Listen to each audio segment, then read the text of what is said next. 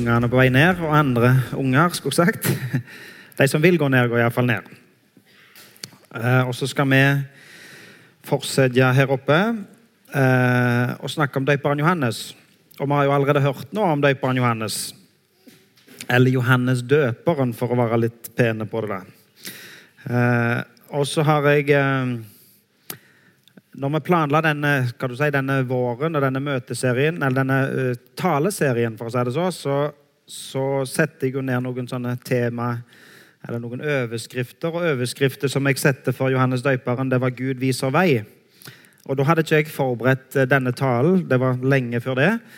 Uh, men derfor har det svirra litt i bakhodet mitt 'Gud viser vei'. Og flott òg å høre og se på skal du si, superheltene og forbildene og Johannes døperen. Jeg eh, vet ikke om vi kan kalle han en superhelt, men iallfall et forbilde for oss, som viste vei, og som pekte og sa Se, der er Jesus. Eh, vi har vært i Gamle testamentet. Vi har uh, sett på den store fortellingen, på en måte prøvd å dratt de lange linjene fra skapelsen, Adam, Noah, Abraham, Isak, Jakob, Josef osv altså sitt fram imot Nytestamentet, og nå er vi kommet til Nytestamentet. Eh, det vil si, vi er kommet helt i starten på Nytestamentet. Noen kaller Johannes døperen for den siste profeten i Gamle testamentet. Og det er klart, Nå leser vi jo om Johannes døperen i Nytestamentet, men han er på en måte den siste før Jesus. Han er den siste profeten i en lang rekke profeter fra Gamle testamentet eh, før Jesus kommer. Og Det er en utrolig fascinerende historie. Um, du må bli litt fram og tilbake for å finne hele historien. Der står man i alle, alle de fire evangeliene i Nytestamentet, både i Matteus, Markus, Lukas og Johannes. Og så får du liksom litt sånn drypp inn i Johannes døperen sitt liv på forskjellige plasser. Eh, Gud viser vei. Gud viste vei fram til Johannes. Johannes viste vei til Jesus, eh, og Gud viser oss vei òg eh, i historien om Johannes. Vi skal inn i en tekst som for så vidt står i møtefolderen deres òg, hvis dere vil følge med der, eller dere kan følge med på skjermen. Vi skal inn i en tekst eh, fra Johannes kapittel 1, og fra vers 29 og til vers 34. Og Her møter vi Johannes døperen i, i ørken, eller i ødemarka. Eh, og han er i øyemerket og forkynner og døyper. Han er jo døyperen Johannes. Og En dag så kommer Jesus. En dag så ser han Jesus eh, kommende. Og så leser vi fra vers 29. Dagen etter ser han Jesus komme gående mot seg, og han sier, Se Guds lam, som bærer bort verdens synd. Om ham var det jeg sa, etter meg kommer det en mann som er kommet før meg, for han var til før meg. Jeg kjente ham ikke, men for at han skal bli åpenbart for Israel, er jeg kommet og døper med vann. Og Johannes vitnet og sa, Jeg så ånden dale ned fra himmelen som en due, og den ble værende over ham. Jeg kjente ham ikke, men han som sendte meg for å døpe med vann, sa til meg, Ham du ser ånden dale nedover og bli hos, han er det som døper med Den hellige ånd. Jeg har sett det, og jeg har vitnet at han er Guds sønn. Jeg har lyst til å prøve å gi dere et overblikk over det som Bibelen sier og forteller oss om, om døperen Johannes. Og Døperen Johannes var ingen hvem som helst. Døperen Johannes var ingen tilfeldighet. Eh, døperen Johannes og historien og det som skjedde med døperen Johannes, er nøye planlagt. Og det forutsatt, forutsett, altså Gud så det og fortalte om det på forhånd. Det ble profetert om Johannes døperen i Gamle testamentet. Og Gud viste vei lenge før det skjedde, det som skjedde med Johannes døperen. Jesaja han levde nok ca. 700 år og profeterte om Johannes ca. 700 år før det skjedde. Og I Jesaja kapittel 40 vers 3 så står det En røst roper, rydd Herrens vei i ørkenen, jevn ut en vei i ødemarken for vår Gud. Og Hvis vi beveger oss til den siste boken i Gamle testamentet, i profeten Malaki, som nok er ca. 400 år før eh, Johannes døperen, så står det Se, jeg sender min budbærer. Han skal rydde vei for meg. Og videre i kapittel 4 og vers 5 så står det Se, jeg sender profeten Elia til dere.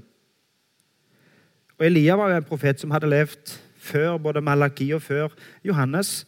Eh, men Nytestamentet forteller oss at Johannes døperen var den Elia som det var profetert om. Og Jesus sjøl vitner om Johannes, sier om Johannes at det var han, det var Johannes som var den Elia som skulle komme. Og Etter profeten Malaki, altså imellom Gamle testamentet og Nytestamentet, så går det 400 år cirka, uten en profet i Israel. Det kalles for de 400 tause år. Det er ingen profetier, ingen eh, profeter som står fram. Det er ingen bok i Bibelen som er skrevet på de 400 åra. Og så, etter 400 år, så står Johannes fram. Som det var profetert om. Som det var forutsagt. Og folk forstår at dette her er noe spesielt. Og så skjer det en massevandring ut i øyemerket fra eh, områdene i Jerusalem og Judea. Her er det en profet. Her kommer profeten. Hva gjør Gud nå? Hva skal Gud gjøre nå? Foreldrene til Johannes, altså Zakaria, Zakarias og Elisabeth, de var barnløse. Eh, de kunne ikke få unger, og nå var de gamle. De var over den tida der de på en måte kunne forvente at de skulle få unger. Og Zakaria han var prest. Han var i tjeneste for Gud. Han var i den slekte som gjorde prestetjeneste for Gud, og nå var det hans tur til å gå inn i tempelet. Og Når Zakaria går inn i tempelet, så blir han møtt av en engel. Og i tempelet så sier engelen til ham Men engelen sa til ham, Lukas 1, 13, Frykt ikke, Zakaria. Din bønn er blitt hørt. Din kone Elisabeth skal føde deg en sønn, og du skal gi ham navnet Johannes. Elisabeth, kona til Zakaria, hun var i slekt med Maria. Altså Maria som var Jesu mor. Og Maria fikk jo besøk av en engel og beskjed om at hun skulle få en sønn. Elisabeth var gammel. Hun var forbi den tida der hun kunne forvente å få unger. Maria var ung. Hun var på en måte før den tida der hun kunne forvente å få unger. Og Maria hadde ingen eh, mann som hadde vært sammen med på den tid.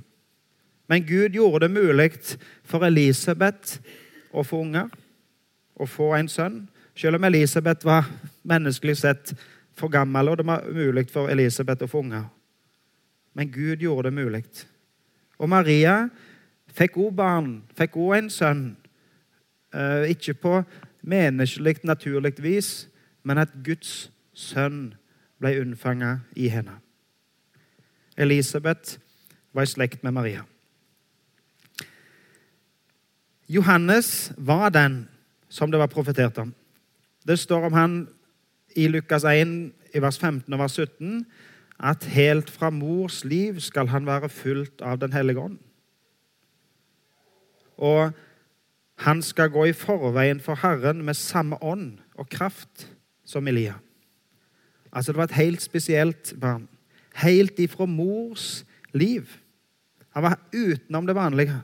Han var den Elia som skulle komme. Han var ikke Elia. Altså Han var ikke den profeten som, som, som døde den gang, og som sto opp igjen sånn sett, eller ble vekk til liv igjen. Men han var som Elia. Det var den Elia som, var, som Gud hadde vist, som Gud hadde vist vei om i Gamle testamentet. Elisabeth, eh, som, var, som, jo var i slekt med Maria, eh, hun reiste på besøk. Nå var det vel for så vidt Maria som reiste på besøk til Elisabeth. hvis jeg tenker meg om. Men i alle fall, de besøkte hverandre. Eh, og Elisabeth var gravid, og Maria var gravid. Elisabeth var seks måneder lengre på vei enn Maria, og Maria var nok forholdsvis tidlig i svangerskapet. Men så står det noe helt utrolig i Lukas 1, 41. Der står da Elisabeth hørte Marias hilsen når de møtte en annen, når de hilste på hverandre, sparket barnet i magen hennes. Hun ble fulgt av Den hellige ånd. Altså, Johannes møtte Jesus mens han ennå var et foster. Mens Johannes var kanskje sju måneder inni magen, og Jesus kanskje én. Og når de møttes, så sparka barnet i magen til Elisabeth. Og så ble Elisabeth fulgt av Den hellige ånd. Johannes var jo fulgt av Den hellige ånd helt ifra mors liv av. Og så står det her at Elisabeth òg ble fulgt av Den hellige ånd. Zakaria han, han, ble stum. Eller Gud gjorde Zakaria stum i, der i tempelet fordi at han trodde ikke på det engelen sa til ham. Han, han tenkte det må jo være helt umulig, det går ikke an. Og så ble eh, Zakaria, far til Johannes, stum helt fram til Johannes ble født. Men når Johannes ble født, eh, så fikk han mål igjen. Og, og etter Johannes var født, og, og, og, de skulle gi ham navn, og folk kom på besøk, og folk syntes dette var helt fantastisk De, de syntes jo at, at, de endelig skulle få unger, var jo, var jo helt utrolig. Og så var det store spørsmålet hva skal han hete. da? Og Elisabeth sa han skal. Nei, han skal hete Johannes. Nei, nei, han skal ikke hete Johannes. Dere har ingen i slekten dere som heter Johannes. Men Elisabeth mente jo, han skulle hete Johannes. Men far hans, da, hva sier han? At han, skal, han kunne jo ikke si noe, han kunne ikke snakke. Men i Lukas 1, 63-64 så står det at Zakaria ba om en tavle og skrev Hans navn er Johannes. Da ble alle forundret. Men i det samme ble munnen hans åpnet. altså Zakaria fikk mål igjen, og tungen løst, og han begynte å lovprise Gud. Så ble Zakaria fulgt av Den hellige ånd, talte profetisk. Og så står det i vers 76 i kapittel 1 i Lukas at Zakaria sier Og du, barn, skal kalles profet for den høyeste, for du skal gå fram foran Herren og rydde hans veier. Så sier han du skal gå fram foran Herren og rydde hans veier. Det var jo det Jesaja hadde sagt 700 år tidligere. Nå skjer det. Nå oppfylles løftene. Nå skjer det som Gud viste 700 år tidligere. Johannes var jo en helt spesiell mann. da. Han var en mann helt utenom det vanlige. Han levde i øyemarka. Han oppsøkte ikke folkemengdene. Han levde utenfor alt mas og kaos og jag. Jeg tror ikke han hadde TV2 Sumo. Han så sikkert ikke Champions League. Eh, men han var på en måte utenfor og helt, en helt spesiell mann. En uvanlig mann. Levde der som ingen andre eh, levde. Og hvorfor bor folk i øyemerket? Eller nei, hvorfor bor folk ikke i øyemerket? Hvorfor bor vi her og ikke eh, der som ingen andre bor? Jo, folk bor jo i, i byer og bygder fordi det er lettere å få dekka sine behov der. ikke sant? Det er vanskelig å få dekka sine daglige behov i øyemarkedet. Men Johannes han krevde ikke voldsomt mye. Han var ikke akkurat noen motekonge. ser vi når vi leser leser om hvordan han gikk kledd. Da står Han gikk kledd i ei kappe av kamelhår og hadde et lærbelte om livet. Nå har ikke jeg mye greie på klær, det skal jeg innrømme, men, men jeg forstår jo at det, altså, kamelpels er vel på en måte ikke det som, det som eh, politikerne i Norge kjemper mot. Eh, og, og det, Jeg ser jo ikke for meg at kamelpels er det noe lukrativt. Men det, jeg tenker det må på en måte være litt pjuskete, litt spredte hårvekster på en måte rundt på en sånn stor kamelkropp. Og kanskje litt grove. Og sikkert ikke noe som det er lukrativt å lage klær av. Jeg vet ikke, Det kan jo hende det er bra, da, men jeg tenker sånn. Eh, og da står jeg, Det er iallfall måten det er skrevet på. Så står det at dette var et klesplagg som ikke folk flest gikk kledt i. Det var ikke lukrativt, det var ikke noe som folk trakta etter. Men et stort poeng er egentlig det at de kledene, eller når Johannes gikk kledt på den måten han gikk kledt, så ligner han på profeten Elia. Profeten Elia beskrives i Gamle testamentet som en, som en hårete mann med et lerbelte rundt livet. Og så står Johannes fram, kledd i kamelhår, med et lerbelte om livet. Maten var heller ikke eh, å trakte etter. Han levde nok av det som han kunne finne, eh, og det som var tilgjengelig. Der står han åt gresshopper og vill honning. Og så står da Johannes fram i øyemerket og forkynner. Omvend dere, himmelriket er kommet nær. Han talte veldig tydelig og fortalte det som dere gjør, er ikke rett. Det som dere tror, er ikke rett. Hva skal vi gjøre, spør folk. Hvordan skal vi leve? Og folket ble døpt av Johannes, og de bekjente sine synder. Og det var på en måte en folkevandring ut i øyemerket for å høre på en profet som ikke akkurat Han forkynte ikke et oppmuntrende budskap, men han sa nå må dere ta dere sammen, nå må dere høre etter, nå må dere bekjenne syndene deres. Himmelriket er nær. Og Så kommer Jesus en dag til Johannes for å bli døpt av han. Og hva synder skulle Jesus bekjenne? Han hadde jo ingen synder å bekjenne. Og Johannes nekter og sier nei, Jesus, jeg kan ikke døpe deg. Du burde jo heller døpt meg. Men Jesus sier jo dette må vi gjøre for å fullføre all rettferdighet. Altså, Er det rettferdig at Jesus døypes til syndenes forlatelse? Når du setter det inn i sammenhengen at Jesus skal eh, døpes og bekjenne sine synder, så har Jesus ingen synder å bekjenne. Men Jesus går inn i vår plass. Han går inn og tar vårt liv på seg. Han bekjenner våre synder. Og så døypes han av Johannes. Når han døypes av Johannes, så kommer Den hellige ånd ned over ham som ei due og blir varende over ham, står det. Altså, Jesus hadde Den hellige ånd. Og så, Gud, så taler Gud ifra himmelen og sier at 'dette er min sønn'. Johannes sitt oppdrag det var ikke å bli stor. Johannes sitt oppdrag var ikke at folk skulle på en måte bli tilhengere av han. Men Johannes sitt oppdrag var å peke på Jesus. Han søkte ikke sin egen karriere, men han hadde ett mål, og det var å peke på Jesus. Johannes sier sjøl han skal vokse, og jeg skal avta. Jesus må bli større. Og for at Jesus skal bli større, så må jeg bli mindre. Johannes ønsker at Jesus blir stor. Og så taler han sannheten imot lederne. Han står der i øyemarka og forkynner sannhet. Han legger ingenting imellom. Han kaller folk for både det ene og det andre. Eh, både religiøse ledere og politiske ledere. Og Det som kanskje er den mest kjente historien, eller det som er den mest kjente historien, er når han, når han refser kong Herodes fordi at kong Herodes tar bror sin si kone og gifter seg med. Og Så sier Johannes ifra det, det, det er ikke rett du kan ikke leve med broren sin kone. Og så blir, eh, så blir ikke Herodes så glad for det. Og kona hans, eller hun som da ble kona hans, var heller ikke så glad for det. Og så kosta det Johannes faktisk livet å si ifra. Vi har sett på den store fortellingen. Vi har sett på hvordan Gud handler. Vi har sett på hvordan Gud viser vei fra skapelsen og gjennom Gamle testamentet og helt til døperen Johannes.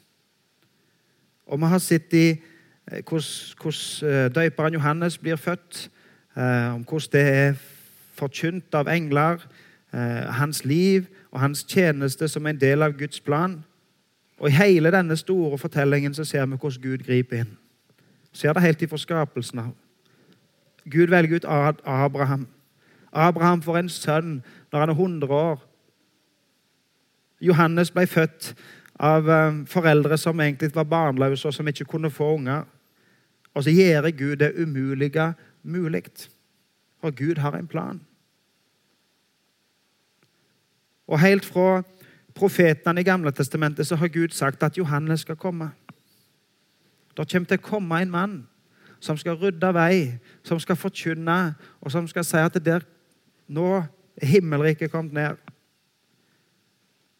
Johannes var en del av Guds store plan og Guds løfte til sitt folk. Og Så ser vi hvordan Gud virker i Johannes sitt liv. Hvordan Gud viser vei i Johannes sitt liv.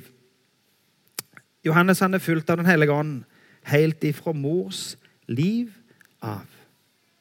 Det er underlig, underlig hvordan Gud, Guds ord her snakker om et, et foster, et barn i mors mage, fullt av Den hellige ånd.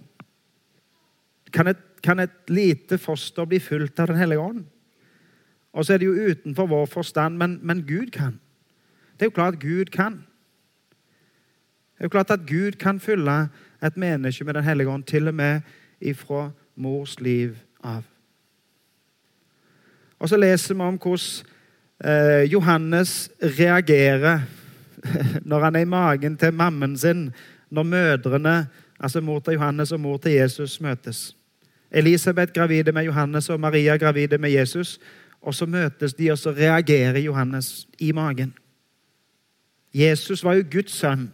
Så det er klart at han var spesiell. Klart Han var spesiell, han var Guds sønn. Men Johannes han var jo et, et baden av jordiske foreldre. Han var jo en vanlig mann i hermetegn. Men likevel, selv om han hadde jordiske far og jordiske mor, så var han fullt av Den hellige hånd. Til og med i magen til Elisabeth. Hva er et baden i mors mage?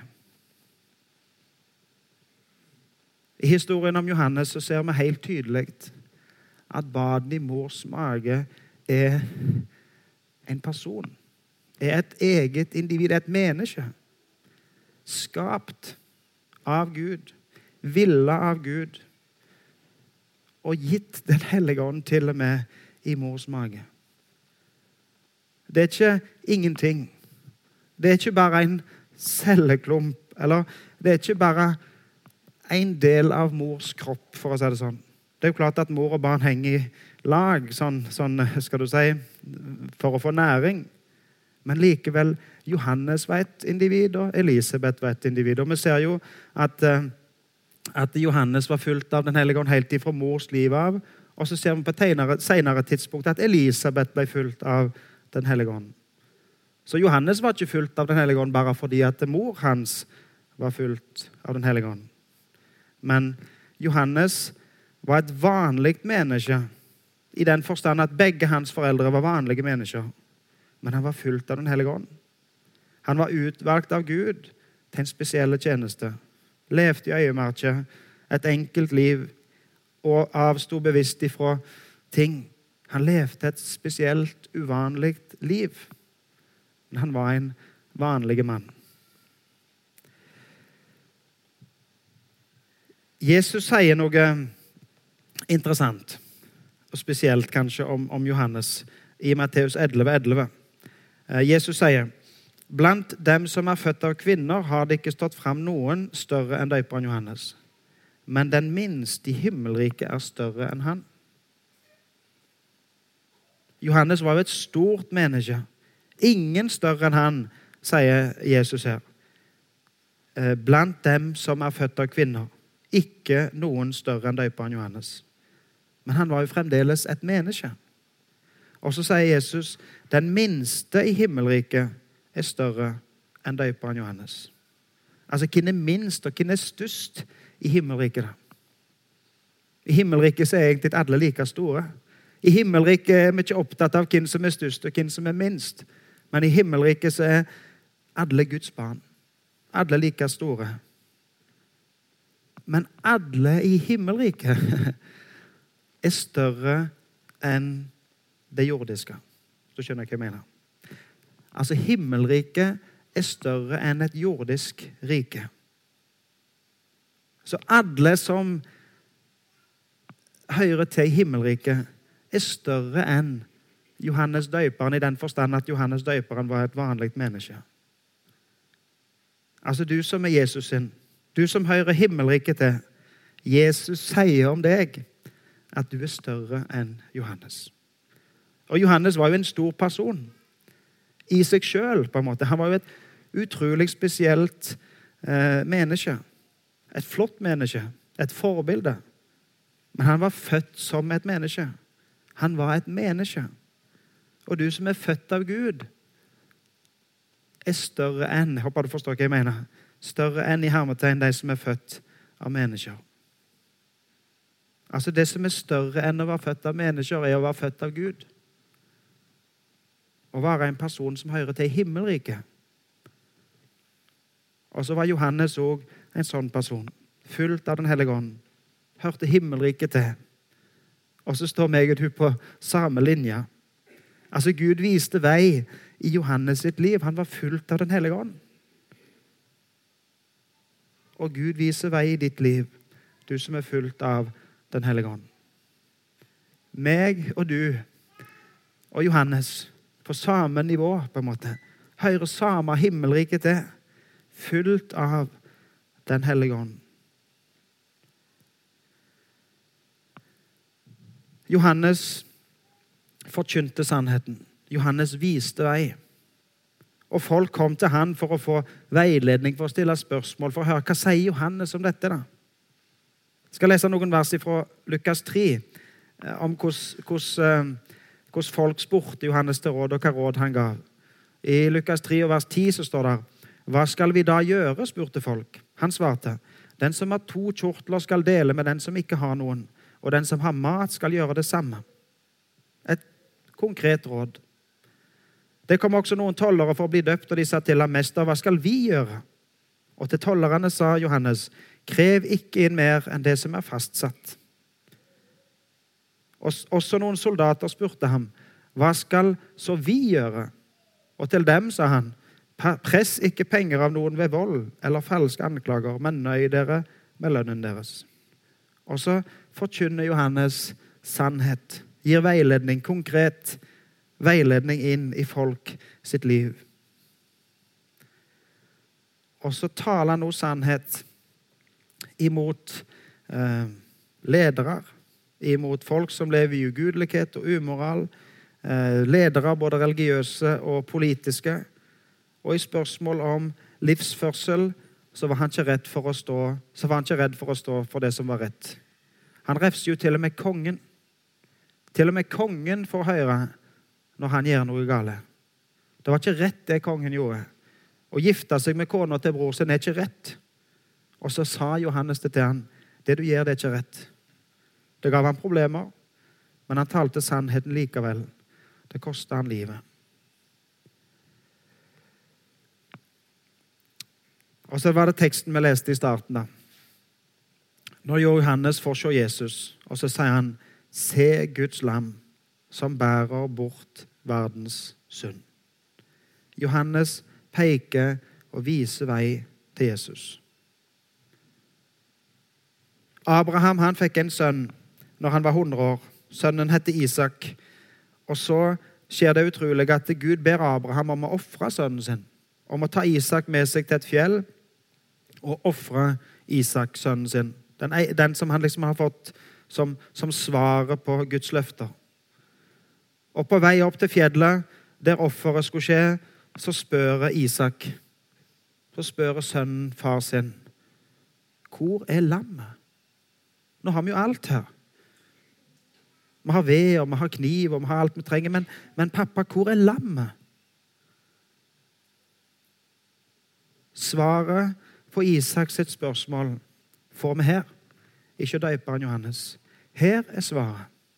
Jesus er lammet. Se, der er Guds lam, som bærer bort verdens synd. Der er lammet som dør i plassen for deg. Der er lammet som tar straffen din. Der er lammet som bærer bort verdens synd. Her er Guds lam, Jesus. I vers 33 står det Ham du ser ånden dale ned over og bli hos, han er det som døper med Den hellige ånd.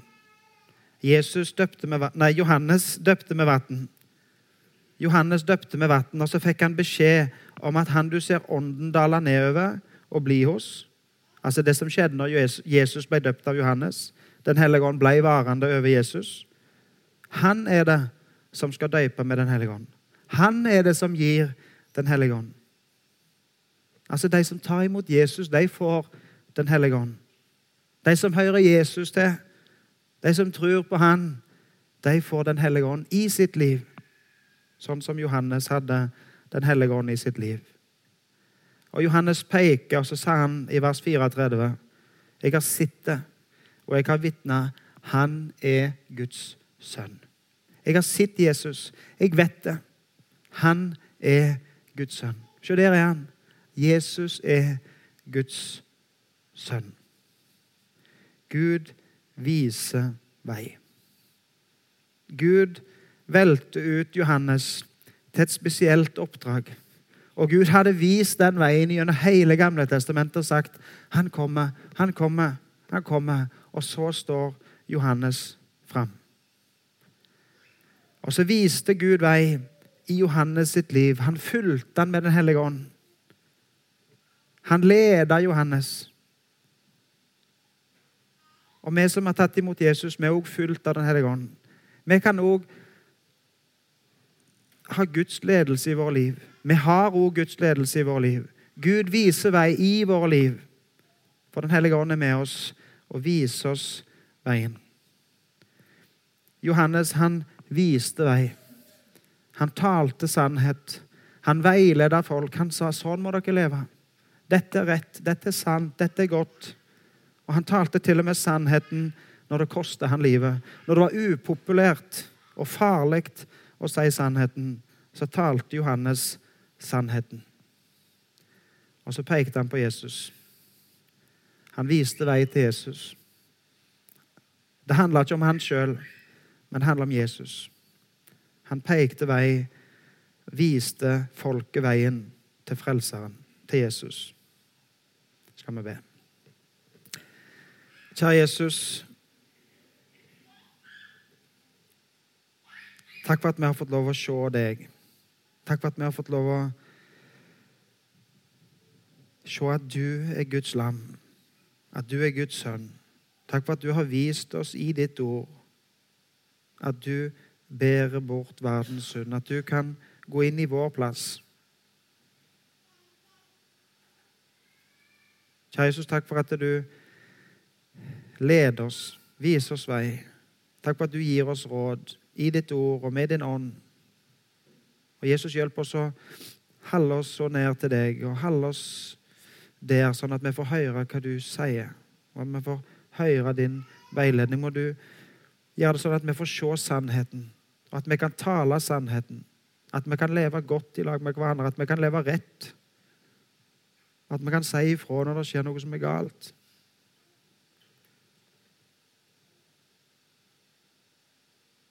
Og Jesus, så ber vi også om at du må hjelpe oss å, å peke på deg og vitne om deg. Og forkynne til andre som vi møter, at der er Guds sønn. Der er Frelseren. Jesus, takk for at du har samla oss i dag til møte. Takk at vi har fått lov å synge i lag, og vare i lag og be i lag og høre ditt ord i lag.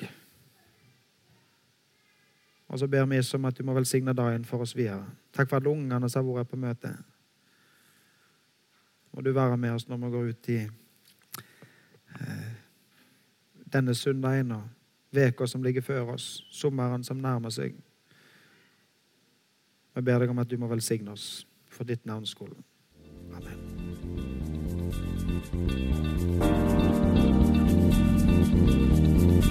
thank